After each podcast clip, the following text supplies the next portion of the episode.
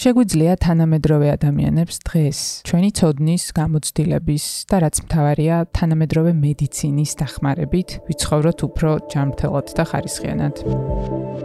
გამარჯობა. ჩვენ მარკეტერიდან ვართ და ეს საინტერესო პოდკასტია. საინტერესო პოდკასტი შექმნილია ცოდნის და ცნობის მოყარე ადამიანებისთვის. აქ განსაკუთრებული ყურადღებით ვარჩევთ თემებს და გიყვებით აუცილებლად მოსასმენ ამბებს. პროექტის წარმოდგენია საქართველოს ბანკი. პრემოდერნულ სამყაროში სიცოცხლის ხანგრძლივობა დაახლოებით 30 წელი იყო. ამ რიცხვმა სწრაფად დაიწყო ზრდა მე-19 საუკუნიდან ქვეყნების ინდუსტრიალიზაციასთან ერთად. შედეგად მდიდარ ქვეყნებში ადამიანები უფრო დიდხანს ცოცხლობდნენ, ხოლო ღარიბში ეს დრო კვლავ ძალიან ხანმოკლე იყო. მე-19 საუკუნის ბოლოდან მოყოლებული, ეს ის პერიოდია, როცა მედიცინაში საკვანძო მოვლენები ხდება, გამოიგონეს ანესთეზია, ანტიბიოტიკები, ვაქცინები. ადამიანის გლობალურმა საშუალო სიცოცხლის მაჩვენებელმა 70 წელს მიაღწია და გაცდა კიდეც. თუმცა სხვაობა ქვეყნებს შორის მათი მდგომარეობების მიხედვით მაინც ძალიან დიდია. მაგალითად, აფრიკის ქვეყნებში ადამიანები საშუალოდ 53 წელს ცხოვრობენ, როცა იაპონიაში 85-ს. ეს სტატისტიკა იმაზე მეტყველებს, რომ ჩვენი ერთადერთი და უნიკალური ნორმალური სიცოცხლის შესაძლებლობის ხანგრძლივობა რიგი ფაქტორების ზემოქმედებით განისაზღვრება და დღეს შესაბამისი ინფორმაციისა და მედიცინის განვითარების არსებული დონით შესაძლებელია რომ ჩვენი სიცოცხლის ხარისხზე და ხანგრძლივობაზე ჩვენმე გქონდეს მნიშვნელოვანი გავლენა. თანამედროვე მედიცინაზე, ცხოვრების წესზე, აკრძალვებზე, ნორმებზე, ბალანსზე, პრევენციაზე, აი ამ ყველაფერზე დღეს ექიმი არჩილ მარშანია გაგვესაუბრება. გამარჯობა არჩილ, მადლობა სტუმრობისთვის. გამარჯობა, მადლობა მოწვევისთვის, პირიქით. ვისაუბროთ ამ ძალიან საჭირო თემაზე, როგორ ვიცხოვროთ დიდხანს და ჯანმრთელად და თანამედროვე მედიცინა, მე მგონი ამის საშუალებას უკვე გვაძლევს დღესდღეობით, რომ ჩვენი ცოდნით და სწორი მიდგომებით მაქსიმალურად შევძლოთ ხარისხიანად ვიცხოვროთ, ხო? კი. აა შენი აზრით აი რამდენად შესაძლებელია დღეს ეს რომ ჩვენ ვაკონტროლოთ გარკვეულწილად რა თქმა უნდა რაც ჩვენს ხელთ არის. რამდენად ხარისხიანად და ხანგრძლივად ვიცხოვროთ? აა მიუხედავად იმისა რომ ჩვენი ცხოვრების ხარისხი საქართველოს გულისხმობ შეიძლება რაღაც მომენტებში არ გვაკმაყოფილებდეს და რასაც ობიექტური და სუბიექტური მიზეზები გააჩნია. აი ამის მიუხედავად, მაინც ძალიან ბევრი საშუალება გვაქვს, რომ მაქსიმალურად გამოვიყენოთ ის ცოდნა, რაც დაგროვდა კაცობრიობის ისტორიაში, სამედიცინო იმას ცოდნას გულისხმობ. და წოდომაც გვაქვს ამასთან. წოდომაც ასე თუ ისე გვაქვს და ცოტას თუ არ ვიზარმაცებთ, ცოტა მეტ კრიტიკულ აზროვნებას გამოვიყენებთ და გავეცნობით სწორ ინფორმაციას, ჩვენ შეგვიძლია ამას მივაღწიოთ, რომ მაქსიმალურად დიდხანს ვიცოცხლოთ ჯანმრთელად და შესაბამისად ალბათ ბედნიერადაც. როგორია დღეს სიცოცხლის ხანგრძლივობის საშუალო მაჩვენებელი ჩვენთან და კონტრასტულად რო დავინახოთ ევროპული ქვეყნების მაგალითიც მოვიყვანოთ? ჩვენთან ვერ ვიტყოდი რომ ძალიან ცუდი სიტუაცია, მაგრამ არც საუკეთესო. ქალების და კაცების ერთდროულად რო ავიღოთ, ასე ვთქვათ, შევაჯამოთ დაახლოებით 73 წელია. სიცოცხლის საშუალო ხანს. ქალები უფრო მეთხანს ცოცხლობენ. მაგრამ თუ ხო, თუ ჩავშლით კაცებსა და ქალებს შორის, საკმაოდ დიდი სხვაობაა, სხვათა შორის, კაცებში ვართ დაახლოებით 79 წელზეა საუბარი, ქალებში დაახლოებით 78 წელზე. საქართველოში. ამის მიზეზებზეც მე რო ვილაპარაკოთ, ხო? კი, რო ხო, და რო შევადაროთ განვითარებულ ქვეყნებში, აა შეიძლება ითქვას, რომ 6-დან 10 წლამდე გვაქვს სხვაობა, რა თქმა უნდა, რაც უფრო განვითარებული და მდიდარი არის სახელმწიფო, მათი მოქალაქეები საბედნიეროდ უფრო დიდხანს ცხოვრობენ. აი, იაპონია არის, ხო, მე მგონი ერთ-ერთი მოწინავე 85 წლით საშუალოს გულისხმობ. კი ბატონო. ამ რა განაპირობებს უფრო დიდხანს სიცოცხლეს რო გავაგრძელოთ ახლა ეს საუბარი? ჯანდაცვის ხარისხი, საზოგადოების ინფორმირებულობა, პრევენციულ მედიცინაზე მეტი ინფორმაცია, ხო? და პრაქტიკაში მეტა მეტი გამოყენება. აი, რა არის ეს რაღაც ერთობლიობა, რაც საბოლოო ჯამში განაპირობებს სიცოცხლის ხანგრძლივობის მაღალ მაჩვენებელს? ხო, სწორად, სწორად აღნიშნა ერთობლიობაზე აქვს საუბარი, ერთი რაღაც კონკრეტული მიზეზი არ არსებობს, მულტიფაქტორულია ცხადია. ამაზე გავლენას ახდენს როგორც სამედიცინო, ასევე არასამედიცინო ფაქტორები. სამედიცინოზე ვილაპარაკოთ. სამედიცინოზე არის მაღალი ხარისხის ჯანდაცვა. აა საზოგადოებრივი ასე ვთქვათ განათლების მაღალი დონე სამედიცინო თვალსაზრისით და არა მარტო. აა და მაქსიმალურად მაღალი კრიტიკული აზროვნება, რომელიც პირდაპირ კავშირშია უკვე არასამედიცინო ფაქტორებთან, როგორც არის განათლება, სიმდიდრე, ასე ვთქვათ, ეკონომიკური წინსვლა და ასე შემდეგ. შესაბამისად, ეს ეს რაც აქვს, რაც უფრო მეტი აქვს და მაღალ ხარისხში აქვს ქვეყანა, რა თქმა უნდა, უფრო დიდხანს მე ადამიანები და რაც უფრო დაბალგანვითარებული აქვს ქვეყანა, უფრო ნაკლებად ცოცხლობენ. ამაში ხელს უწყობს ძალიან ბევრი რამე. კი. ამას უბრალოდ აა დღეს ხო ხშირად გვესმის ხოლმე რომ ძალიან ხშირად აკრიტიკებენ ქართველები არსებულ ჯანდაცვის სისტემას და ძალიან ბევრ ადამიანს აქვს ხოლმე უნდობლობა სისტემის მიმართ. აი რა შეიძლება ეგეთ დროს გააკეთოს ადამიანმა? ზოგი Google-ავს მაგალითად ეგეც არ არის ხო? სწორი რომ Google-ის რჩევებს მიყვე ხო? თვითონ Google-იც ებრძვის მაგას მაგრამ სად შეიძლება? აი რა წყაროები შეიძლება? ონლაინ კონსულტაციები შეუძლიათ გაიარონ თქვა უცხოელ ექიმებთან თუ აი ეს რაღაც ქცევის წესები როგორ შეიძლება რომ ადამიანებმა გამოიმუშაონ დღეს რომ გაცნენ წყაროს კუთხით მხოლოდ ქართულ არეალს. აი, რამდენად ხელმისაწვდომები არიან საზღვარგარეთ, თქვა ექიმები. ქართველი ექიმები გამიგია, რომ საზღვარგარეთიდანაც ონლაინ რაღაც კონსულტაციებს გადიან. თუ შეგიძლია რომ ურჩიო სმენელს, როგორ შეიძლება რომ მოიქცეს, ან რა წყაროებს მიაქციოს ყურადღება ინტერნეტში და როგორ შეარჩიოს სანდო წყაროები?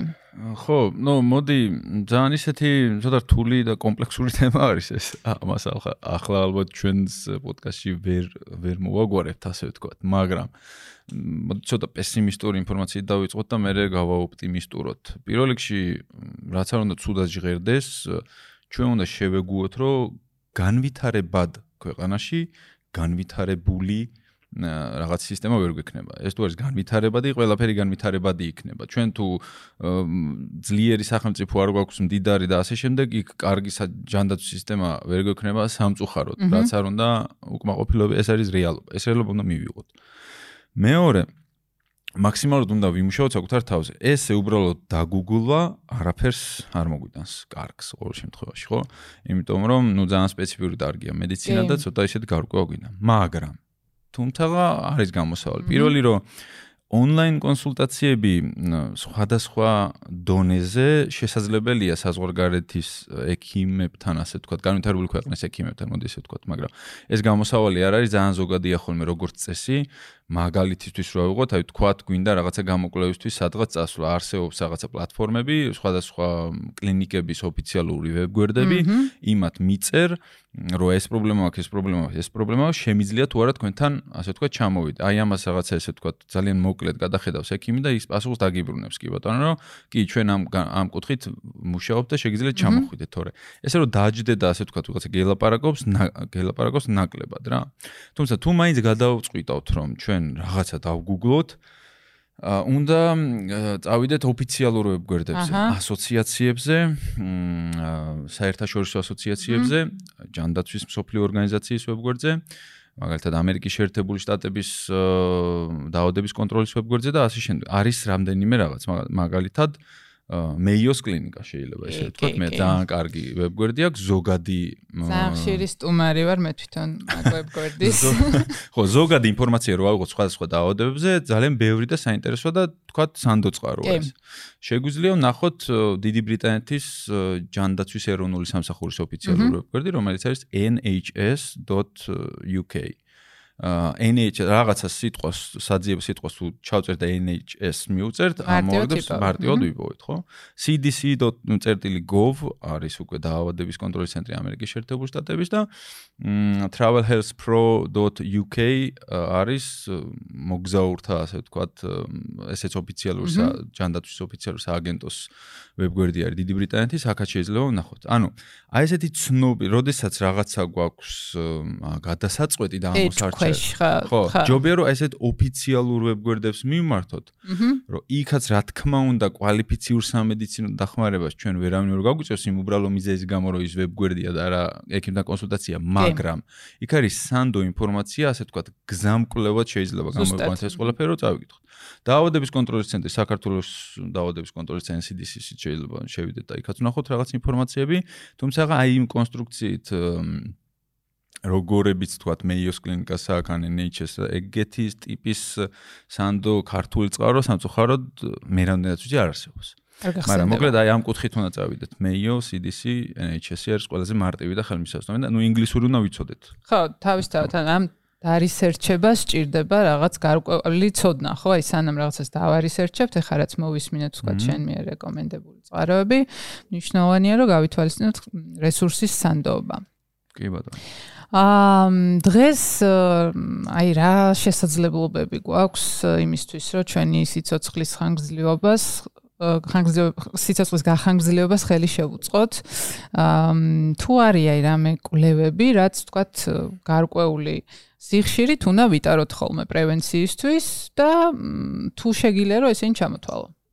აი თუ შეგვიძლია თქვათ აი რაღაც ფიქსირებული კვლევები, კონკრეტული კვლევები, რომელსაც თუ ჩავიტარებთ ყოველწლიურად, თქვათ, გაცილებით მეტი შანსია იმისი, რომ ადრეულ სტადიაზე აღმოჩინოთ რომელიმე დაავადება, რაც თავისთავად უდრის გახანგრძლივებულ სიცოცხლეს, ხო?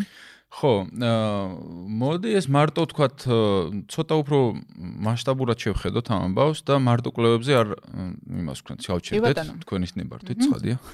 გაქვს ჩემი ნებართვა. რამდენ რამდენიმე რამდენიმე ნაწილად შეიძლება დავყოთ. ეს ოფიციალური სტატისტიკა არ არის, რა თქმა უნდა, ან ჩემ ჩემ შეხედულებას გეუბნებით ასე ვთქვათ.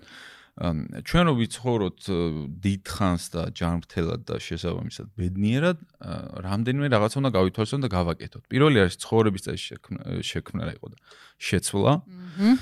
მეორე ეს არის სკრინინგები და ვაქცინაცია და მესამე ეს არის ჩვენთან ჩვენივე ჩვენს გარშემო უნდა შევქნათ უსაფრთხო გარემო ინდივიდუალურად. ეხლა პირველით რო დავიწყოთ, ან თუ გნებოთ ანალიზებით დავიწყოთ კი ბატონო. სკრინინგი და ვაქცინაცია. ეხლა სკრინინგი რა ანალიზები შეიძლება გავაკეთოთ? სამწუხაროდ საქართველოს ცოტა ისეთი არასწორი დამოკიდებულება გვაქვს ხოლმე, მოდი რაღაც ბარემ რაღაც სისხლის საერთოდ ხო არ გაგვეკეთებინა, იმასავით არის რაღაც. არაფერი არ ხდება, მაგრამ მოდი ანტიბიოტიკი მაინც ჩავრთოთ. ხო არ შეიძლება ეს ანტიბიოტიკი, ну, ანალიზე ყოველ შემთხვევაში არაფერი მაინც არ დაშავდება და ეს ანტიბიოტიკის შარტონ არასაჭიროდ გამოყენება არის ძალიან. ცოტა ზედმეტი მოლოდინი გვაქვს, მოდი ესე ვთქვათ რა. გადასხმა გავიკეთოთ, ეს გადასხმაზე რაღაცნაირად პანაცეად არის, ხო? ისევი არის სისხლის საერთო ანალიზიც. სინამდვილეში ჩვენ გვჭირდება რისიკვლევა, ხო? ვერ ყველაფერს ერთად ვერ გამოვიკლოთ, ხო? ეხლა ნონსენსია. უნდა ვიკლოთ ის რის სტატისტიკურად მაღალი შანსიც გვაქვს, რომ დაგვაზიანებს და ან ძალიან ძლიერად დაგვაზიანებს, ხო? პირველ რიგში უნდა ვთქვათ, ეს არის სკრინინგ პროგრამები. ქალებისთვის მაგალითად ძუძუს კიბო და საშვილოს ნოსყელის კიბო მნიშვნელოვანი კაცებისთვის პროსტატის კიბო კიბო და სწორი ნაწლავის კიბო. თუმცა სწორი ნაწლავის კიბო რა თქმა უნდა ქალებში შეიძლება და ეს ასაკო ასაკის გასათვალისწინებელია ხო? იმიტომ რომ ასაკო ასაკის მიხედვით იცვლება ხო? ეს კვლევის საჭიროებები სავარაუდოდ. კი კი რა თქმა უნდა ასაკის მიხედვით იცვლება პროგრამა უბრალოდ თორე ეს ზოგადი მიდგომა არის თორე თქვა თუ კი მაღალი რისკში ვართ ჩვენ ან დატვირთული არის ხო გენეტიკურად ჩვენი ისტორია ან ექიმა რაღაცაში ჩათვალა შეიძლება არ დაველოდოთ 25 წელს მაგალითად ან 50-ს მანამდეც გავიკეთოთ მაგრამ ზოგადად რო ვქნათ აი ისე Google-ს რო დაუბრუნდეთ ეხა რაღაც კლინიკების რეკლამა რო არ გამომივიდეს სკრინინგი საქართველოში რო ჩავწეროთ ამოაგდებს ეროვნული სკრინინგის ცენტრს პირველს და იქ არის ჩამოწერი რომელი კლინიკაში სადაც შეგვიძლია შეგვიძლია რა გავიკეთო. 25 წლიდან საშვილოსნოს ყელის გამოკვლევა ყოველწლიურად ჩვენ შეგვიძლია საქართველოს ჩავიტაროთ უფასოდ, ეს არის კარგი.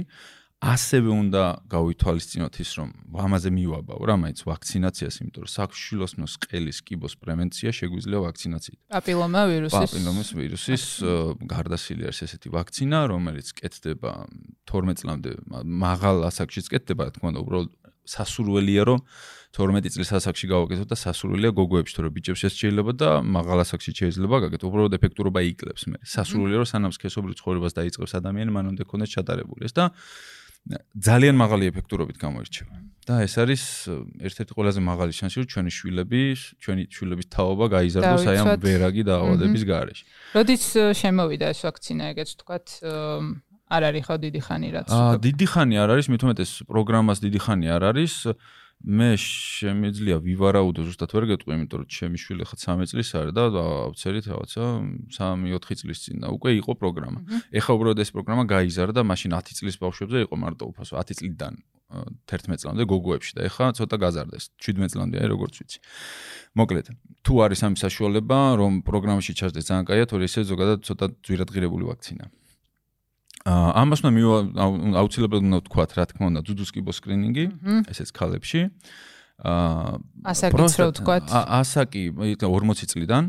აა პროსტატის კიბოს სკრინინგი ესეც 50 წლიდან თუმცა ესეც უნდა ვთქვა რომ ვთქვა ამ სპეციფიკური ანტიგენის გამოკვლევა თქვა სხვადასხვა ქვეყანაში ცოტა კითხვის ნიშნის ქვეშ დგას რამდენად რელევანტურია ამის ჩატარება, რამდენად ეფექტურია, ასე ვთქვათ რა. ანალიზის სახით. ანალიზია, ანალიზი სისხლში გეთება ანალიზი და ანუ კითხვის ნიშანი იმაზე კი არის, რომ ეს ანალიზი რამეს დაგვიშავებს ფიზიკურად, არც არ დაგვიშავებს, ახლა სისხლს აიღებენ და ჩაგუტარებენ ყველას, მაგრამ აა იმდენად მაღალი იყო მაგალითად დიდ ბრიტანეთში არასწორი ინტერპრეტაცია და ცრუდადებითი ისენი რომ ჩათვალეს რომ ეს ფსიქოემოციურად იმ ხელას ზიანს აყენებს ჩამტარებელს რომ ისენი ესეთ ოფიციალურ სკინგად აღარ არის იქ მაგალითად. ალტერნატივა არის ალტერნატივაც განსაკუთრებულად დიდი არ არის თუ კი ფიზიკალურ გასინჯვას არ ჩავთვლით რა თქმა უნდა მაგრამ ამით არაფერი არ დაშავდება ეს უბრალოდ ჩემი თქვა საზღვარგარეთის მუშაობის გამოცდილება რო გაგიზიარო თორე თუ მივალ და ეს გვეცოდინება რომ აქ რაღაც ცნობილების შანსი არის და ბევრს არ ვინერვიულებთ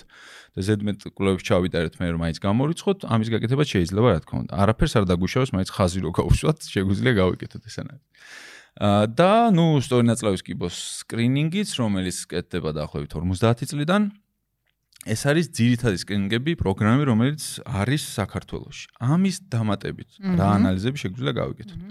შეგვიძლია გავიკეთოთ ანალიზები ძალიან მარტივად რო შეხედოთ და ის სადაზღვეო კომპანიები რასაც გვთავაზობენ ხოლმე სისხლის ანალიზია იქ შარდის ანალიზია და პლუს ის რისი რისკის ქვეშაც თქვენ თვლით რომ ხართ. ან ოჯახის გამოკვლევით ან თუ რაღაცა ექიმა გირჩიეთ მაგრამ თავარი არის ის რომ ჩვენ არ ვუმკურნალოთ რიცხვებს ძალიან ხშირად სამართლის სამედიცინო პერსონალში ცოტა არასწორი ინტერპრეტაცია ხდება ხოლმე ანალიზების რომ ჩვენ პირველ რიგში უნდა გვახსოვდეს, რომ პაციენტს მკურნალობთ და არა რიცხვებს იმ ანალიზში.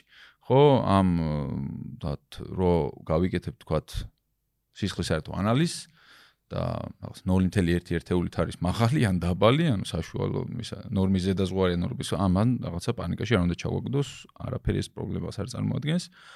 აა ესე პრევენციურად ჩატარებული ესეთი ზოგადი ანალიზები მნიშვნელოვანია მაშინ თუ კი რაღაცა ძალიან დიდი გეფი არის. ის არის სხვაობა არის, ხო, ნორმასთან შედარებით და შემდეგ უკვე დაკვირვება უნდა წავიდეს და არა ის რომ ეგრევე წავიდეთ და რაღაც მაინც და მაინც წამალი დავლიოთ. აი ეს არის იმ თვალსაზრისით თუ კი ვიტყვით სკრინინგების და ანალიზების თვალსაზრისით რაც შეიძლება გავაკეთოთ. შემდეგი ეს არის, ну, მოდი ვაქცინები ვახსენეთ უკვე და ვაქცინებზე გადავიდეთ პირდაპირ. კალენდარული ვაქცინები ბავშვების შემთხვევაში ასკეთდება და პლუს სპეციფიკური ვაქცინაცია, რომელიც კალენდარში არ შედის და ჩვენი სურვილით უნდა გავიკეთოთ. ასეთი არის მაგალითად ყოველწლიური გრიპის ვაქცინაციები. ძალიან მნიშვნელოვანია ეს და თუ კი მივდივართ რომელიმე ქვეყანაში, აუცილებლად უნდა გადავამოწოთ იქ რა ხდება. რა ხდება და იმის შესაბამისი.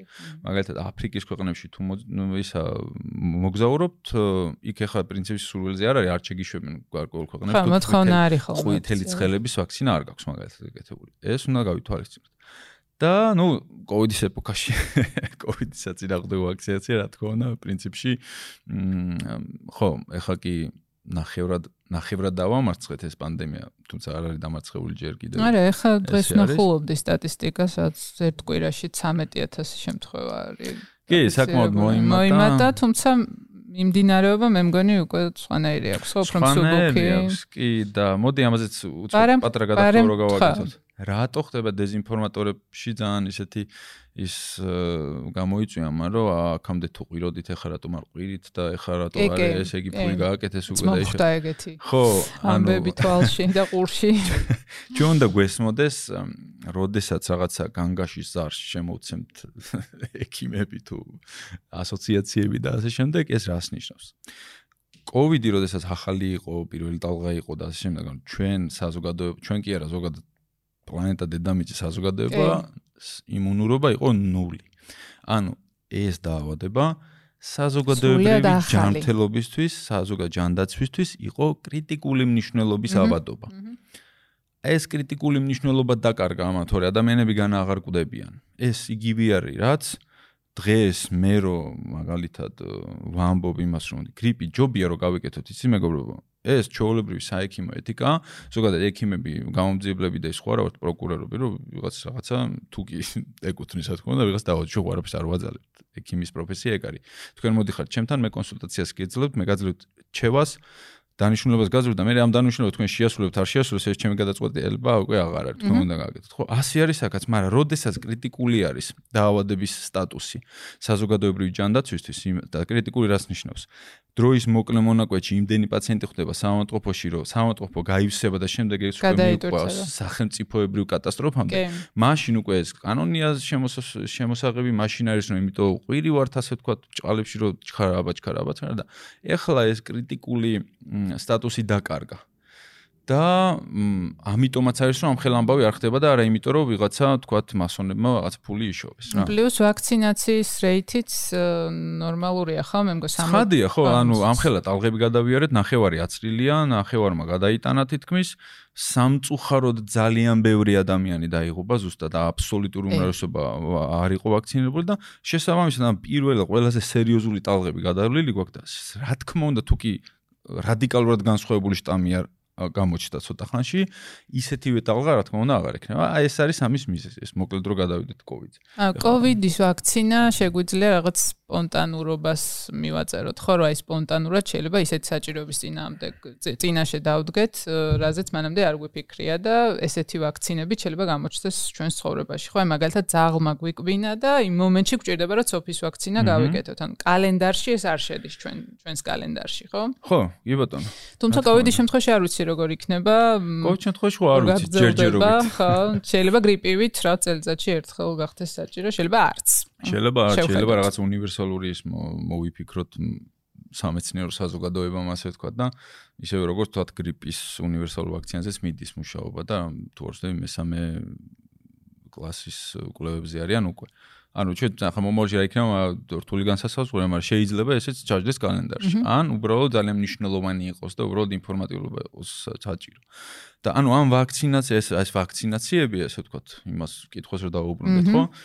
არის ერთ-ერთი შემოადგენელი, რომ როგორ ვიცხოვროთ, ასე ვთქვათ, უფრო დიდხანს და ჯანმრთელად. დაცულად. დაცულად, კი ბატონო. შემდეგ ერთ-ერთი ყველაზე მნიშვნელოვანი არის ცხოვრების წესის შეცვლა. ცხოვრების წესის შეცვლა შირას გულისხმობ, ამას გულისხმობ ყვებას, ვარჯიშს, ძილს, ძილს, კი ბატონო, მართალია. ძალიან მნიშვნელოვანი. მედიტაციას, ცხოველებს და რუჯის თავს თავის არიდებას. ანუ მზეს უნდა მოვერიდოთ რა. მზეს კი არა, რუჯის უნდა მოვერიდოთ, მოდი ხო რაღაც ძალიან ისე არ გამომივიდეს. გამოსხივებას უნდა მოვერიდოთ. ზე ხა სიცოცხლის წყარო არის და ძალიან არ მომივიდეს ხა. და დამწრობებს. ხო, დამწრობებს რა თქმა. ეხა კვებასთან ეს სიცოცხლის წესის შესვა ყველაზე რთული არის, ცოტა რაღაცნაირად ამაზე სი, იმიტომ რომ ადამიანური ბუნება არის, ზარმაცები ვართ ადამიანები. და რაღაცნაირად ხანდახან გლიცინის დონეზეა ხოლმე რა თვითონ რაღაც. ვარჯიში და სწორი კვება უკვე ხუმრობად აღვიქვით. არა და რეალურად სამეცნიერო თვალსაზრისით თუ კი რამე არის დადასტურებული რომ ვიცით რომ ჩვენ ცხოვრებას აუმჯობესებს ზუსტად ვარჯიში და სწორი კვება ნამდვილად.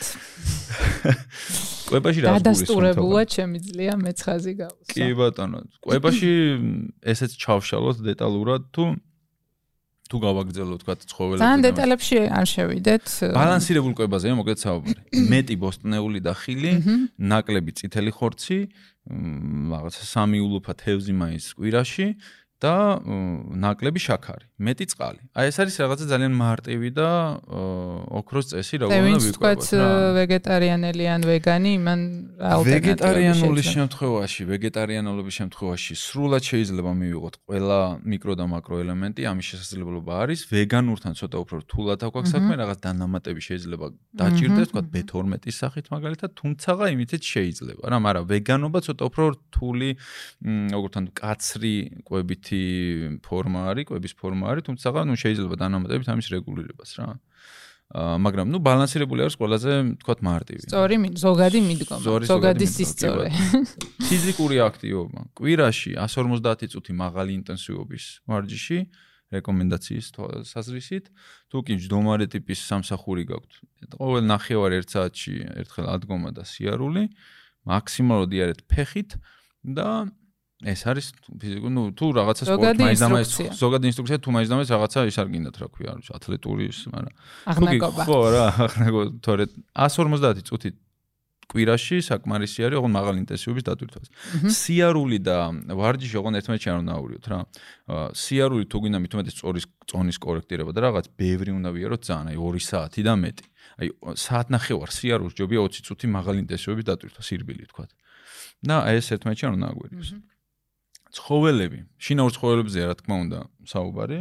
შინაურ ცხოველები სკოლა სახლში პირდაპირ დაკავშირება იზრდება, თქვა სხვადასხვა კვლევები და ამით ვიცით რომ ფსიქოემოციური თვალსაზრისით დაწყებული ფიზიკური დამთავრებული ეს ყოველთვის დადებითად აისახება ადამიანის ცხოვრებაზე. ამასაც ვადასტურებ. ბავშვებზე იქნება ეს თვითონ ჩვენ უფრო ემპათიურები ხდებით ზრუნვის საგანია. უკეთესები ადამიანები ხდებით.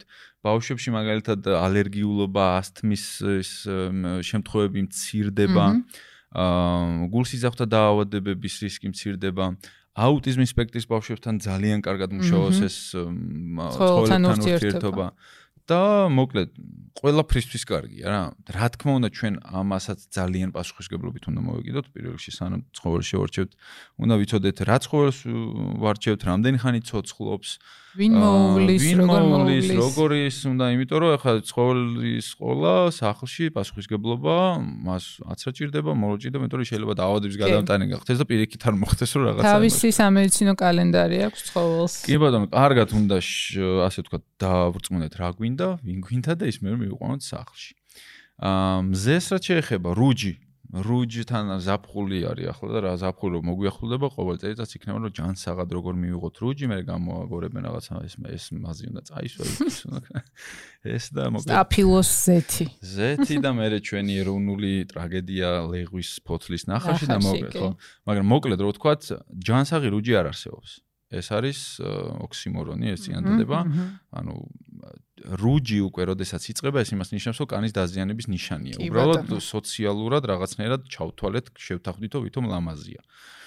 მაგრამ ნუ შეიძლება გასცე ლამაზებოდეს. მე ბევრი მიფიქრე საიდან წამოვიდა საერთოდ ეს რომ ლამაზია და ამხელა ინტერესს და მიზიდულობას რატო აღძრავს ადამიანებში ეს რუჯი ეს ხო იცლება რა საინტერესო ისა აქვს. თორე თავიდან ერთი პერიოდი პირიქით იყო სითეთრე იყო და იმასაც კი ისვამდნენ რა ქვია პუდრებს და ცოტა უფრო მძინა მე თავი მაშინ ტყუის შემცველი იმას მე რომ ცუდად ამთორდა ეს ყველაფერი და ეს სოციალური ნორმები და შეხედულებები სხვადასხვა იმაზე ესეთი დღეს ახლა ახლა ესე ვართ რა. ისევე როგორც ამნაირ თემები უამრავი არის აი სექსუალური ჯანმრთელობის თემები მაგალითად როგორც აი მასტურბაცია აქვს ძალიან საინტერესო ისტორია ძალიან ეკლექტიკური არის რა მასტურბაცია არსებობს რაც კაცობრიობა არსებობს ხო? თავიდანვე თქვა პრეისტორიული ადამიანიდან დაწყებული, ну დღემდე რა, იმიტომ რომ ადამიანური ბუნება არის ეს არაფერი ამაში სასირცხვილო და განსაკუთრებული ექსტრაორდინარული არ არის, მაგრამ თავიდან იყო ეს როგორც მიღებული ნორმა, ძველ ძველ ეგვიპტეს რო გადავხედოთ ფარაონებს რაღაც საოცარი რიტუალებიც კი ქონდათ ნილოსში და ასე შემდეგ. მათი ერთ-ერთი ატომი იყო თორსები ეს ღმერთი იმ თეორიის თანახმად მან მასტურბაციის შექმნა სამყარო და ძალიან ჩვეულებრივი პირიქით გაღმერთებული რაღაცა იყო. მერე იყო ნორმალური თქვა ძველ საბერძნეთში ნორმალური იყო. მერე უცბად შეიცვალა და ხდა არანორმალური. და არანორმალური ფსიქიკური ჯანმრთელობის პრობლემა და ცვლიდნენ ამის საწინააღმდეგო მკურნალობებს ნიშნავდა რაღაცა და მე ისე ნორმალურად მოკლედ აი ესე ვარ თქო და ეს არის ესე არის ალბათ ის შეხედულებაც მაგრამ რუჯზე რო ვთქვა ეხა რუჯ საიდან როგორ გადავედი ეხა მეც? ვერ მივხვდი. მე დავსვი ცოტა ჩეკი რატომ მოგწონს რუჯი? ხო და აა რუჯზე რა ხდება მოკლედ რა თქვა გამოსხივების დროს ультраისპერი A და ультраისპერი B სხივებს როდესაც ვიღებთ ეს ჩვენს კანში სიღრმეში აღწევს უჯრედის შემადგენელ სტრუქტურებს აზიანებს მათ შორის აზიანებს DNM-ს მზის სხივი ცვლის DNM-ს ვაქცინა არ ცვლის DNM-ს სინამდვილეში. ეს DNM-ი როდესაც დაზიანდება DNM-ის დაზიანების ამომცნობი მექანიზმები აქტიურდება ჩვენს ორგანიზმში გამოიყოფა მელანინი და ჩვენი კანი მუქდება. ანუ ფაქტობრივად სიგნალს გვაძლევს, რომ სიგნალს გვაძლევს, რომ დადვართ, მიშველეთ და ჩვენ ეს სიგნალი გვიხარია და ვამატებთ ამ ყველაფერს. ამიტომაც რუჯი არ უნდა მიღოთ, იმიტომ რომ კიბოს რისკებს ზრდის. და განსაკუთრებით სოლარიუმში არ უნდა ვიაროთ. ნუ სოლარიუმში მით უმეტეს, იმიტომ რომ სოლარიუმში, სოლარიუმში მარტო ультраისფერი არ გამოიყენება, და დევიტამ ზოგი ზოგი იმით იმაშובה ხოლმე რომ აი ამ დევიტამინს მაინც მივიღებ და დევიტამინსაც ვერ მიიღებთ ეგ არის სად რომ უმეტესწილად უტარისფერი B არის დევიტამინის გამოუშავებით საჭიროა. აქ მხოლოდ A იგულისხმება და მეცაც გეტყვით სოლარიუმი კარცინოგენების ჯგუფში იმ ჯგუფშია სადაც მაგალითად აზბესტი არის და სიგარეტი და ასე შემდეგ უამრავ ქვეყანაში უბრალოდ აკრძალულია და როგორც თუკი სადაც არის, როგორც მაგალითად FDA-ის მოთხოვნა არის, როგორც სიგარეტზე არის დაწერილი რომ ეს კლაუს და ეს ეგრევი არის, იქაც გაფრთხილება, კი ბატონო. ბარემ მაგას შევეხეთ და ეგეც ძალიან მაწუხებს ეგ კითხვა და მინდა რომ დაგისვა. აი არის თემები, რაზეც ვთქვათ ინფორმაცია არ აქვთ ადამიანებს და იქ მეტნაკლებად გასაგებია, რატო ვიქცევით ხოლმე ჩვენი ჯანმრთელობის წინააღმდეგ, მაგრამ არის ძალიან აშკარა საკითხები, რაზეც ზუსტად ვიცით, რომ ეს მავნებელია, ხო? აი გამოვყოფთი სიგარეტს და გამოვყოფთი რუჩსაც, აი. ვერ ვიტყვით, რომ ამაზე ინფორმაცია დღეს თანამედროვე ადამიანებს არ აქვთ, ხო? რატომ არ არის ეს საკმარისი, რომ საკმარისი ბარიერი, რომ აი რაღაცას შევეშვათ? ვიცი, რომ ძალიან კომპლექსური პასუხი გექნება ამაზე, მაგრამ მოვისმინოთ. ხო, კომპლექსურია ნამდვილად. ერთ-ერთი რატომ რატომ არის ის, რომ აქვს ძალიან დიდი ისტორია და პლუს მსგავს თემებს აქვს როგორც წესი, მსგავს რაღაცებს აქვს დამოკიდებულების პრობლემა. როგორც სიგარეტს, ასევე რუჩსაც, ხო? კი, რუჩსაც აქვს დამოკიდებულების პრობლემა. აა კლუბები არსებობს, მაგალითად, შეიძლება მეშლება, მაგრამ მასაჩუსეტის უნივერსიტეტში გამოქვეყნებული 2018 წლის კვლევა, სადაც კაცები იყვნენ 18-დან 35 წლამდე კაცები იყვნენ გამოკითხული და მათმა 45% 45%-მა დაადასტურა რომ როდესაც სოლარიუმს და ზოგადად გარუჯვას თავი დაანება ძალიან გაუჭირდა და ეს ფსიქოემოციურ ჯანმრთელობას ძალიან ცუდად აისახა. ეს აღზნებით, მოუსვენრობით, შფოთვითი აშლილობებით იმაში. ამიტომაც რუჯი დამოკიდებულებაც არსებობს. რუჯი დამოკიდებულებაც ასე ვთქვათ არსებობს. სიგარეტი კიდე უფრო საინტერესო ისტორია ის არის. სიგარეტი მე შემიძლია თქვა რომ არის იდეაში მე რა ანუ ჩემი მოგონილი არ არის ეს ტერმინი დავეთანხმო ამ ტერმინს ვინ თქვა პირველად არ ვიცი ეს არის კაცობრიობაში არს კაცობრიობის ისტორიაში ყველაზე მომაკვდინებელი აფიორა სიგარეტი და განსაკუთრებით სიგარეტის ფილტრი ალბათ ქუჩაში რო ეს საფხატრული გამონათქმა, რა თქმა უნდა. ქუჩაში მართლა 100 კაცი რო გავაკჩეროთ და უთხრათ რომ ფილტრო უფრო მავნია თუ ფილტრიანი, რა თქმა უნდა, იყოს უფილტრო და ფილტრიანი სიგარეტი არის უფრო ჯანსაღი, ასე თქვა. ნუ ფილტრიანი ჯანსაღი სიგარეტი ისე ისე ოქსიმორონია, როგორც ჯანსაღი რუჯი. მაგრამ თამბაქოს ინდუსტრიის მიერ ძალიან კარგად გაკეთებული ხრიკი არის ეს. როდესაც წამოვიდა სიგარეტის ბუმი, ასე ვთქვათ, იმის გამო რომ სიგარეტს აქვს ორი დამოკიდებულება, ფიზიკურიც და ფსიქოლოგიურიც და ფსიქოლოგიური დიდი ალბათობით უფრო წამყვანია. ეს ორი კომპონენტი მას ისეთივე ძლიერ დამოკიდებულებას უჩენს, როგორც მაგალითად კოკაინს აქვს ან ჰეროინს აქვს. და კოკაინისგან და ჰეროინისგან განსხვავებით, რა თქმა უნდა, იმასაც უფრო მეტი დიზაინის მოდანა შეუძლია, მაგრამ ეს ლეგალურია. უფრო სწრაფად. შესაბამისად ძალიან სწრაფად ვრცელდება და ძალიან სწრაფად გავრცელდა. როგორც კი გავრცელდა სიგარეტი, რა თქმა უნდა, მაშინ ფილტრი არ იყო და აა იმატა საზოგადოებრივი ჯანდაცვის პრობლემები. კერძოდ ფილტვის კიბო და არა მარტო. უამრავი ადამიანი კვდებოდა და დღესაც კვდება სიგარეტის გამო. აქედან უკვე წნეხი გაიზარდა თამბაქოს ინდუსტრიაზე, თორე ცოტათი ადრე, მაგალითად, სამედიცინო რეკომენდაციასაც კი აძლევდნენ მოწევაზე. სიგარეტის ბოლის ოყნებიც კი არსებობდა და ასე შემდეგ. ბილის ტკივილს რო აყუჩებს. ბილის ტკივილი ხო. ეს ჩვენი ის არის ხო რაღაც შაქაირონა და აყაროთ რა. და ეს პრობლემა როცა წამოვიდა, წამოვიდა უკვე პოლიტიკური და საზოგადოებრივი აზრის და წნეხის მოვლენა, როდესაც მოხდა თამბაქოს ინდუსტრიაზე, თამბაქოს ინდუსტრიამ დაიწყო ფიქრი იმაზე, როგორ შექმნა ჯანსაღი სიგარეტი. გამოსავალი რა თქმა უნდა იპოვეს ფილტრში, იმიტომ რომ უი, ბევრი ბოლი შედის ფილტრებში, ამის გამო რაღაც ზიანდება, მოდი იქნებ ცოტა ბოლი შევ და გავფილტროთ რა. აა ამის ისტორიაც ფილტრის შექმნის ისტორიაც ძალიან ისეთი არის შეიძლება რო იტყვიან სასაცილოა სატირალი რო არ იყოს. აზბესტსაც კი იყენებდნენ. აზბესტი ახლა თავისთავად კარცინოგენური ნივთიერებები შედის და აზბესტი იყენებდნენ იყენებდა კენტი მაგალითად. 30-იან თუ 40-იან წლებზეა საუბარი რა თქმა უნდა ახლა არ არის ეგ მაგრამ აი ამ შექმნის დროსაც ბევრი რაღაცა ცადეს და ძალიან ბევრი რამე გააფუჭეს და საბოლოო ჯამში მივიღეთ ეს ფილტრი რა სახითაც დღეს გვაქვს. რომელიც ბამბის ქულას გავს თუმცა სინამდვილეში პლასტმასი არის. ის რო არის რა ქვია ძველი ფირები რო იყო ფოტოაპარატის ფირები. აი ეს პლასტმასი რაც არის ეგ არის ეს ფილტრი. და რაც ქმნის პირველ პრობლემას. ტრილიონობით ფილტრი იყრება ყოველდღიურად და აქედან 70% ქუჩაში იყრება და მე ხვდება საბოლოო ჯამში ხვდება ოკეანეში ტრილიონებზე არის საუბარი. უდიდეს ციფრზე ეს არის გარემოს დაბინძურება, ეს არის ერთი პრობლემა. მე მეორე პრობლემა რა მოხდა? უფილტრო სიგარეტთან დაკავშირებული კარცინომის ტიპი. რა თქმა უნდა, წამოვიდა ქვემოთ, მაგრამ სამაგიეროდ გაიზარდა ფილტრიან სიგარეტთან დაკავშირებული კიბოს ტიპები. და თან ყველაზე საინტერესო და ყველაზე გამანადგურებელი, ასე ვთქვათ, ხრიკი აქ რაც იყო, სიგარეტი გახდა უფრო გემრიელი მოსაწევი. შესაბამისად მწეველების რაოდენობა გაიზარდა. ინდუსტრიამ თითქოს შექმნა, ანუ საბოლოო ჯამში რა მივიღეთ? ინდუსტრიამ თითქოს შექმნა ფილტრი, რომ გაეხადა სიგარეტი ჯანსაღი და გავლენა მოეხდინა საზოგადოებრივ ჯანდაცვაზე, მაგრამ რეალურად რა მოხდა? გაიზარდა მწეველების რაოდენობა, პრობლემები არც არათუ შემცირებულა, ეგეც გაიზარდა, იმიტომ რომ რაოდენობა გაიზარდა და გაყიდვების გაიზარდა ამასობაში და რატო? ფილტრი მიუხედავად იმისა, რომ იმ ნივთიერებებს, იმ ნავნე ნივთიერებებს ბოლომდე ვერ აჩერებს, კუპრს და ნიკოტინს აჩერებს გარკვეულ წირად. ეხლა აქ პრობლემა რატო არის? როგორ ზრდის მოწევის რაოდენობას? ნიკოტინი არის დამოკიდებულების გამომწვევი ნივთიერება. სიტყვაზე ვიძახი. აი 1 10 ერთეული ნიკოტინის მიღებას, როდესაც გთხოვს ორგანიზმი დღის განმავლობაში. აა მე 10 ერთეულოს იღებ შენ 5 ღერი სიგარეტისგან უფილტროსგან. სო 5 ღერის მეტი მოწევა იმ კონკრეტულ შემთხვევაში აღარ გინდება. მაგრამ ამ ფილტრი რო გავაკეთე, ამ 5 ღერიდან იღებდი მარტო 2 ერთეულ ნიკოტინს. შესაბამისად რასაკეთებ? ფილტრინეს კეწევ, მაგრამ ამ ფილტრინეს მეტს ეწევი საბოლოო ჯამში. და საბოლოო ჯამში ეს არის მართლა აფიორა.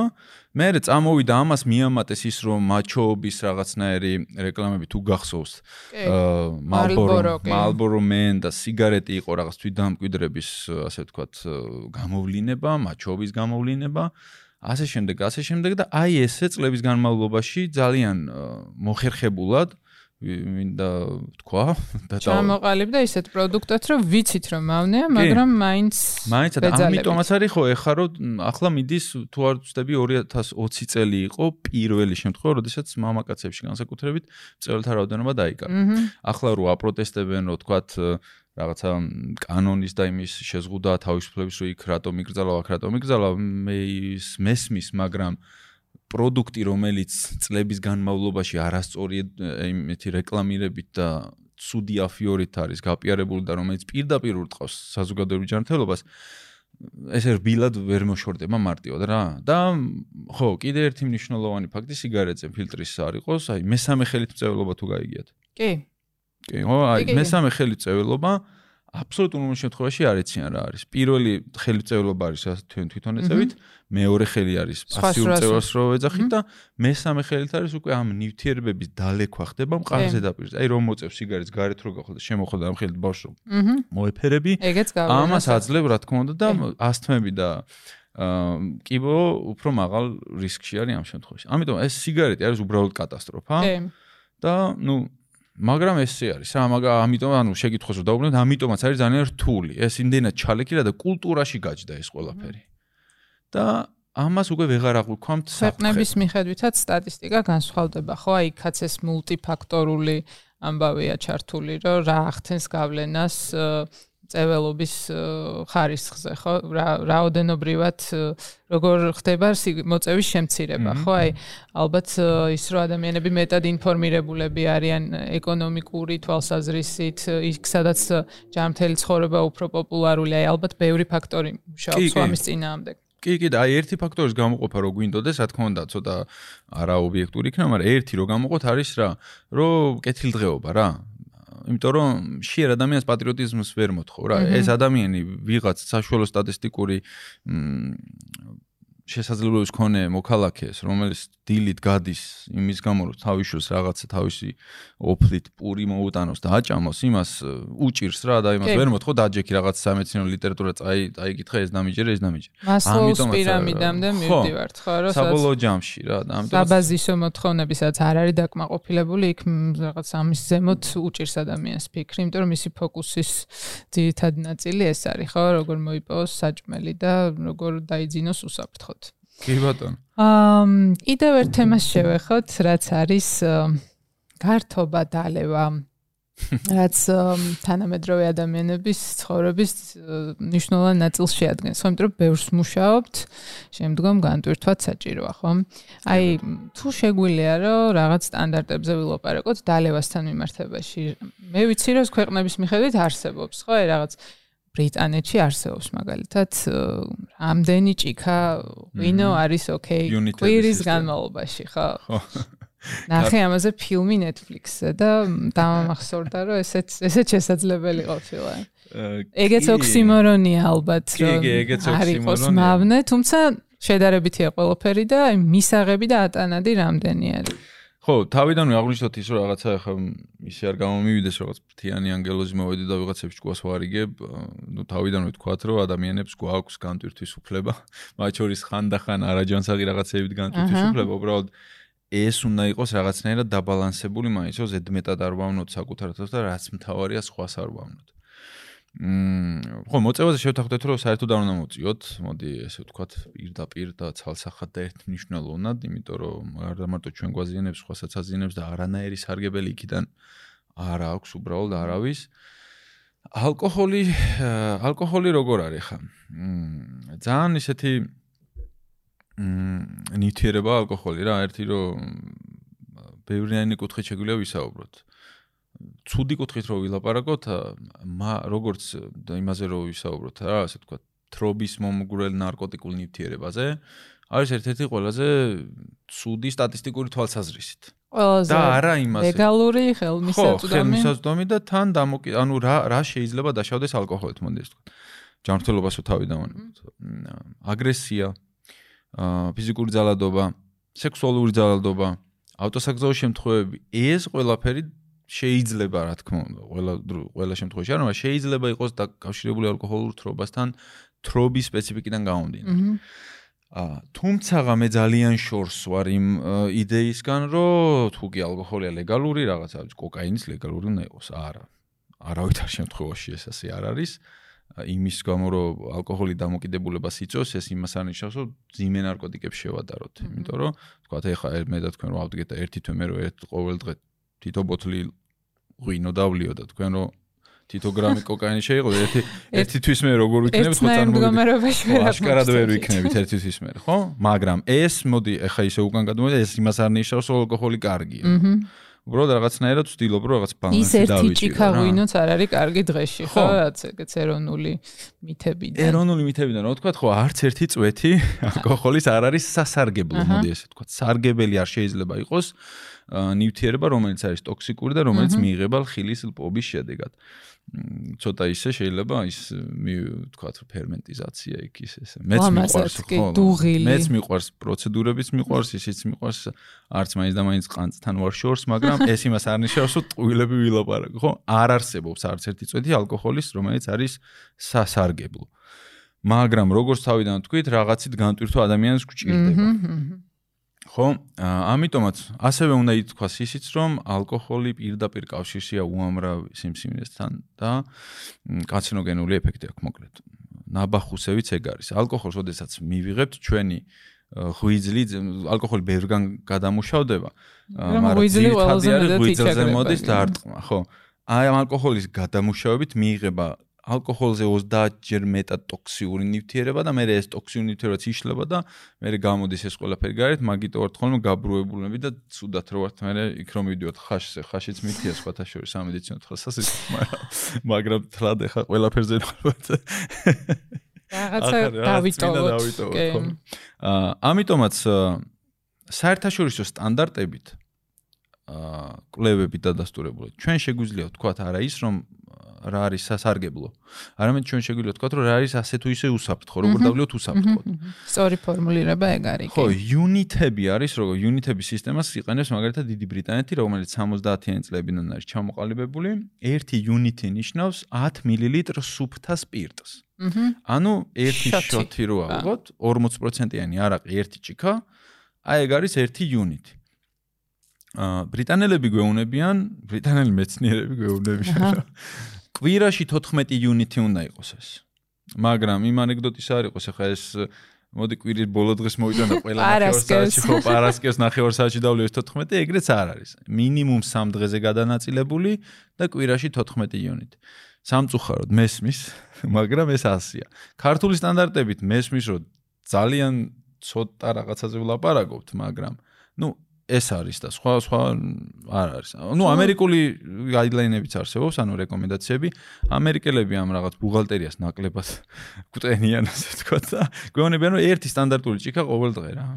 დღეში ერთი სტანდარტული ჭიქა. ნუ ეს თქვენს ჯანმრთელობას მნიშვნელოვნად ვერაფერს ვერ აღნებს. ეს ყველაფერი გამომდინარე საიდან, იცი რომ საშუალოდ რო ვთქვა, ღვიძლს შეუძლია 1 საათი საათ ნახევრის განმავლობაში გადაამუშავოს 10 მლ შუბთა სპირტი და აი აქედან გამომდინარე არიან ხოლმე და მაგრამ ეხა ყოველ 1 საათში თუ ყოველ დღე რაღაცა ალკოჰოლი მიაწოდე, რა თქმა უნდა, ეს კიდე უარესად დააზიანებს, მაგრამ აი აქედან გამომდინარეა ხოლმე ეს, მაგრამ ეს რა თქმა უნდა კიდე აუცილებლად ხაზი უნდა გაუსვა იმას, ეს იმას არ ნიშნავს, რომ ალკოტესტის მოტყუების იმედად ეგრე ვიყოთ, რომ საათში ეს ძალიან ინდივიდუალურია, შეიძლება ისე მოხდეს, შეიძლება ასე მოხდეს, საჭესთან ცალსაღად არაფერი არ უნდა დალიოთ და ისიც მითია, რომ რაღაცა კოკა-კოლას დავლევთ თუ ხალვას შევჭამთ, ის თითქოს ამოსუნთქულ ჰაერში ალკოჰოლს შეამცირებს, იმიტომ რომ ის ჰაერი, როდესაც ამოვიცოთ, თქვა ფილტრებიდან ამოდის, კუჭთან არაფერ კავშირში არ არის, ამიტომაც არ დალიოთ საჭესთან არავითარ შემთხვევაში. არა, ეს კატეგორიულად შეგვიძლია ვთქვა, რომ საჭესთან არავინ არ უნდა დალიოს. კიდე ერთ თემას შევეხოთ სოციალურ მედიას. რადგან ძალიან აქტიურად გვიწევს დღეს ამ სივრცეში დროის დარება აა და თან ძალიან სწრაფად მოხდა ხო ეს ცვლილება ჩვენს ცხოვრებაში. აა რა რა ეფექტი აქვს ამას? ალბათ რაღაც კვლევები იქნება ხო რაც ზომავს ჩვენს მენტალურ ჯანმრთელობაზე როგორი გავლენა აქვს სოციალურ მედიას იქ გამოჩნდა უკვე რაღაც screen time-ების რეპორტები ხო ჩვენს მობილურებში, ანუ ამაზე მიდის აქტიური ფიქრი და მუშაობა. თუმცა ჩვენ რამდენად ვართ ინფორმირებულები ამაზე, როგორი ნეგატიური ეფექტი აქვს, მე მგონი ნელ-ნელა ვგრძნობთ ამ ყოველფრის დიდი რაოდენობით ჩვენ ცხოვრებაში არსებობას როგორი ეფექტიც აქვს, მაგრამ შენი ექიმის გადმოსახედიდანაც გითხარი, რა ხდება მანდ და როგორ უნდა მოვიქცეთ, რომ არ დავაზიანოთ ჩვენი მენტალური ჯანმრთელობა. ხო, სოციალმედია, სოციალური მედია 21 საუკუნის ძალიან დიდი მიღწევაც შეიძლება იყოს, იმიტომ რომ ბევრი კარგი რამეც გააკეთა, მაგრამ ერთ-ერთი გამოწვევაც არის რა, და თავიდან რომ ვახსენე, ერთ-ერთი ჩვენ გარშემო უნდა შევქმნათ უსაფრთხო გარემო ინდივიდუალურად, ერთ-ერთი სოციალმედიაში გატარებული დროც არის რა. იმის გარდა რომ მაგალითად პირველ დახმარება ვისწავლოთ, უსაფრთხოების წესებს დავემორჩილოთ, ხალხურ მედიცინას თავი ავარიდოთ და ერთ-ერთი არის სოციმედია, რომელიც უნდა მაქსიმალურად შევამციროთ და რატო უნდა შევამციროთ? იმიტომ რომ ფაქტი არის უკვე ვიცით ეს და დამოკიდებულებას იწვევს. განსაკუთრებით ძიმე შედეგები შეიძლება იყოს ეს ბავშვებში, თავიდანვე თუ ამ გაჯეტებზე აა იქნებიან დამოკიდებულები. ცხადია ეს იმას არ ნიშნავს რაღაცა ძველ იმას ყოფ დაუბრუნდეთ პრეისტორიული ადამიანის ცხოვრებას. ბალანსი, ბალანსი უნდა დავიცვათ აუცილებლად. არავითარ შემთხვევაში ეს არ შეიძლება.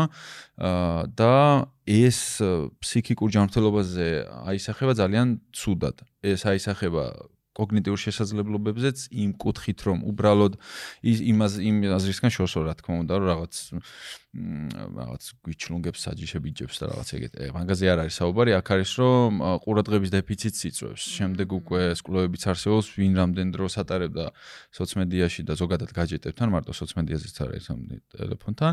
და შემდეგ თქვა სამუშაოს მისცემდნენ რაღაცას და ვის რამდენი დრო შეუძლია ამის garaშე გაძლოს და ეს დრო რაც უფრო მეტ ხანს ხმარობდა გაჯეტებს, მით უფრო მცირეა, რაღაცა 1 წუთის მეტი სიტყვაზე ვიძახე ამ ერთ წუთს თქო და არ შეუძლია რაღაცა სხვა რაღაცას დაუთმოს ყურადღება, ეგრევე მოდის და ეგრევე ამწმებს რამე მესიჯი ხო არ მოვიდა, ხო? ჩვენც ალბათ საკუთარ თავზე შეგიმჩნევიოთ ეგეთი რაღაც, ხო?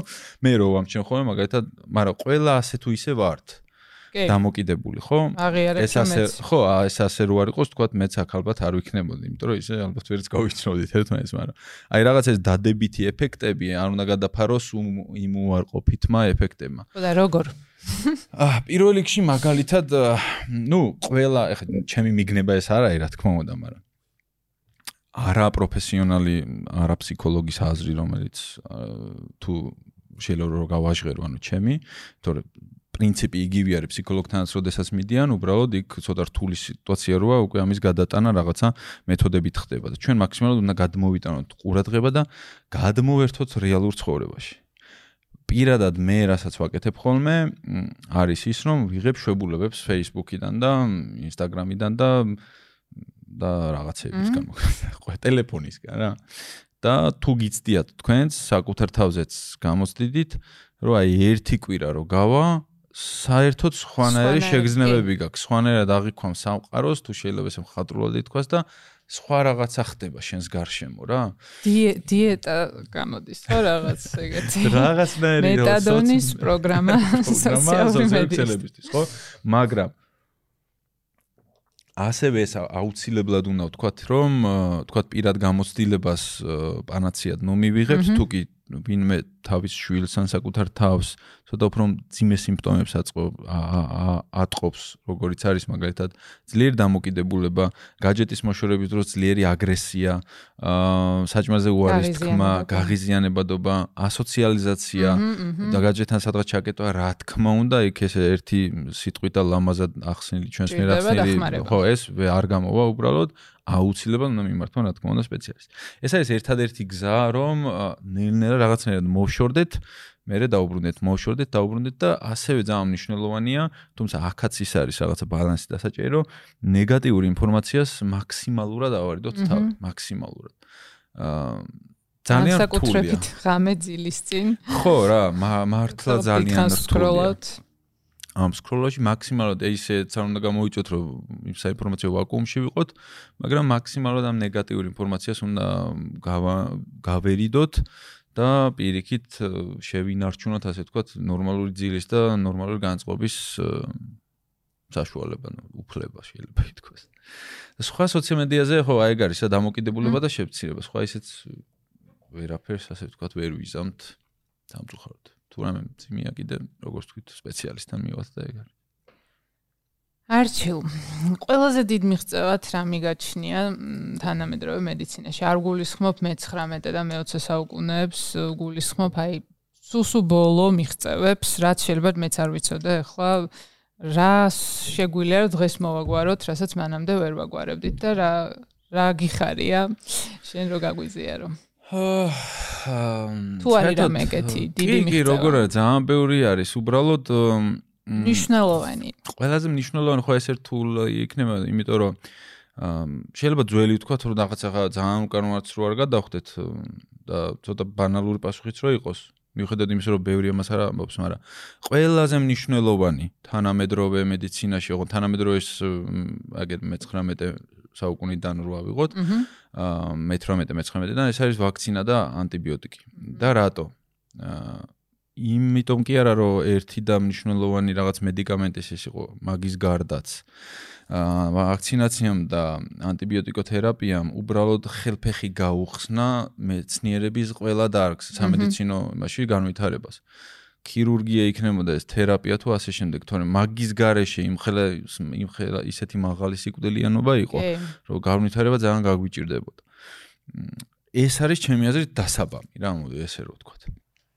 შემდეგ ცოტა უფრო ახალ თანამედროვეზე თუ ვისაუბრეთ, აუცილებლად და ალბათ უნდა აღინიშნოს, რომ გენური ინჟინერია, რაც სამწუხაროდ აბსოლუტურ უმრავლეს შემთხვევაში ნეგატიურად ნეგატიური ხო აღქმადი სიტყვა არის, გენური ინჟინერიის გარეშე არ ვიცი, ჩვენი ცხოვრება იქნებოდა შიმშილით და ძალიან მაღალი სიკვდილიანობით განპირობებული და გენური ინჟინერია არ არის ცუდი, გენური ინჟინერია არის კარგი, უბრალოდ მითებით არის სავსე, აბსოლუტურად სავსე არის და და ჩემი მითების ლექციაში ბევრ მაგალითს ვიყენებ ხოლმე და ერთ-ერთი ეს არის რა, რომ აი ადამიანს რო ვეკითხები, რომ აი გენური საჭმელი ხო მაგარი უგემურია რა, გენმო GMO საჭმელი რა, მოკლედ და კი კი აი ძალიან ცუდია და ნუ აი ბოლო-ბოლო პომიდორი მაინც ხო გაქვს ნაჭამი და ხო საშინელი გეუბნება კი მაგარი ცუდია ხო ეგრევე განვასხვებ გენოინჟინერით მიღებულ პომიდორს და სოფლის პომიდორს და სინამდვილეში გენოინჟინერით გამოყვანილი პომიდორი უბრალოდ არ არსებობს.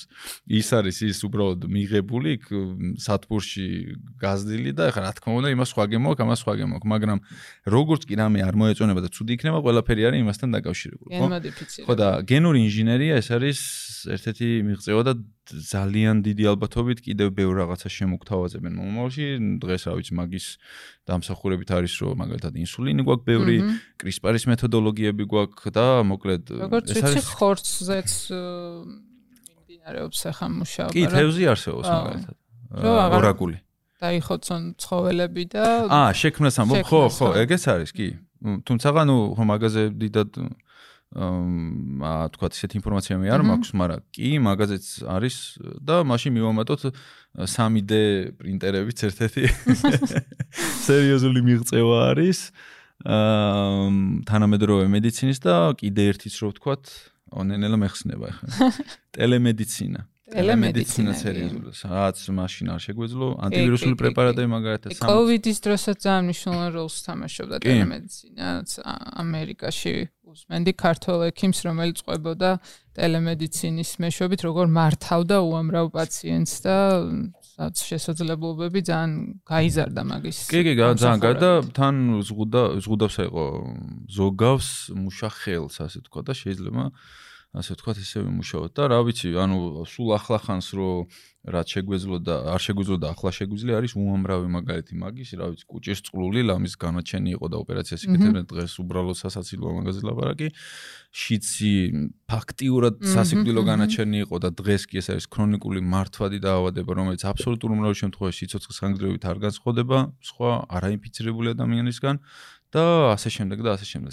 მეცნიერება ძალიან სწრაფად მიდის წინ და კი, აი რა სიჩქარით მიდის შენი. ძალიან დიდი სიჩქარით. და ჩვენ ვერ ვეწევით ხო აშკარად. შენ ცოტა გვიჭირს ხო, მაგრამ აი კოვიდის ვაქცინაციაც სწრაფად რო შეიქმნა და ეხო მითი ახლა სწრაფად არ შექმნა. ხო, მაჟორში. ხო, ან მე ეგეც არ ვიცი და ალბათ ძალიან ბევრმა ვინც არ არის სამ ყველაფერში გაცნობიერებული არის ის, მაგრამ ნუ ეს ეხო დამკვიდრდა ეს ახლა. ეგ ეგრე დამკვიდრდა, ძალიან სწრაფად შეიქმნა და ამიტომ მოდი ეჭქვეშ დავაყენე. შემიძლია გვაქვს კიდე დრო რომ თქვა მაგრატო არის მითი თუ ძალიან გაგვიძებდა. ისე მოგვიყევი. მოკლედ მარტივად რო ვთქვათ 1978 წლიდან პროფესორი კარიკო იყო ეგეთი კატალინი ქალბატონი რომელმაც დაიწყო ზუსტად RNM ტექნოლოგიაზე მუშაობა მას ჯეროდა რომ ამით ბევრ ამას მიაღწევდა და მე 90-იანებში უკვე ვიცოდით თავგებზე ექსპერიმენტებით რომ ამით ჩვენ შეგვეძლო იმუნური პასუხი მიგვეღო შემდეგ უკვე მიდიოდა უამრავი ვაქცინის ტესტირება მოდერნას მიერ იგივე ფაიზერის მიერ და საბოლოო ჯამში უბრალოდ ახლა დაემთხვა რომ მოხდა რომ წინა გამოცდილებიდან ვიცოდით რომ ამ კონკრეტული ტიპის ვირუსებზე ეს კი ახალი იყო, მაგრამ ძალიან კარგად მუშაობდა ეს ტექნოლოგია. შესაბამისად, ის კი არ არის რომ რაღაცა მოხდა აფეთქება და უი, მოდი ახალი ტიპის ვაქცინა მოვიფიქრო. 70-იანი წლებიდან მუშაობდა ეს ყველაფერი და თან ხო, კვლევები ერთმანეთს პარალელურად მიდიოდა და არა თანწყობად თან უამრავი მილიარდი ჩაიდო ამ საქმეში და თან ბიუროკრატია მოიხსნა და თან უამრავი მოხალისე გამოჩნდა. მთელი კონცენტრაცია ამ თემაზე იყო, მთელი სამყაროს და რა თქმა უნდა ლოგიკურია რომ ეს ესე მოხდა. და ამიტომაც მოხდა რომ უცბად შემოვიდა და არა ის რომ უცბად შეიქმნა, ეს ძალიან დიდი მუშაობის შედეგია. არჩილ, როგორი არის ჩვენი მომავალი, ეგეც გითხარი. სადამდე მივალთ, აი შენი აზრით, რას შეუძლებთ მედიცინის დახმარებით? აი რო გადავხედოთ, რომ ადრე საშუალო ცხოვრების სიცოცხლის ხანგრძლივობა იყო 40 წელი, ახლა 85-მდე მივედით. აი არის ამის იქით კიდე რაღაც, ნუ 90 ვთქვათ, 100 ჰა. შეუძლებთ რომ აი ცოტა იმაში რომ გადავიდეთ ოცნებაში, გავახალგაზრდავდეთ, ხა უკვდავებაზე აღარ ვისაუბრებ, მაგრამ გჯერა ამის რომ აი მაქამდეც შევძლებთ მისვლას ადამიანებს. ისე რა, სიბათე გითხრა ამაზე ადრე ძალიან ბევრს ფიქრობდი ხოლმე და მე რა დავაფიქსირე ისე რომ პირველი ადამიანი რომელსაც გაფრენა უნდა და რაღაცა ფრთები რო გაიკეთა და რო ჩამოხდა და რო დაიღუპა და მე რაღაც ძალიან პრიმიტიული დღეს სასაცილო მეთოდებით ვცდილობდით გაფრენას აი იმ პირველი ექსპერიმენტიდან თვარეზე დაждდომამდე არის 66 წელი. აჰა. ხო ხდები 66 წელში საიდან სადაღმოს რა და გავფრინდით.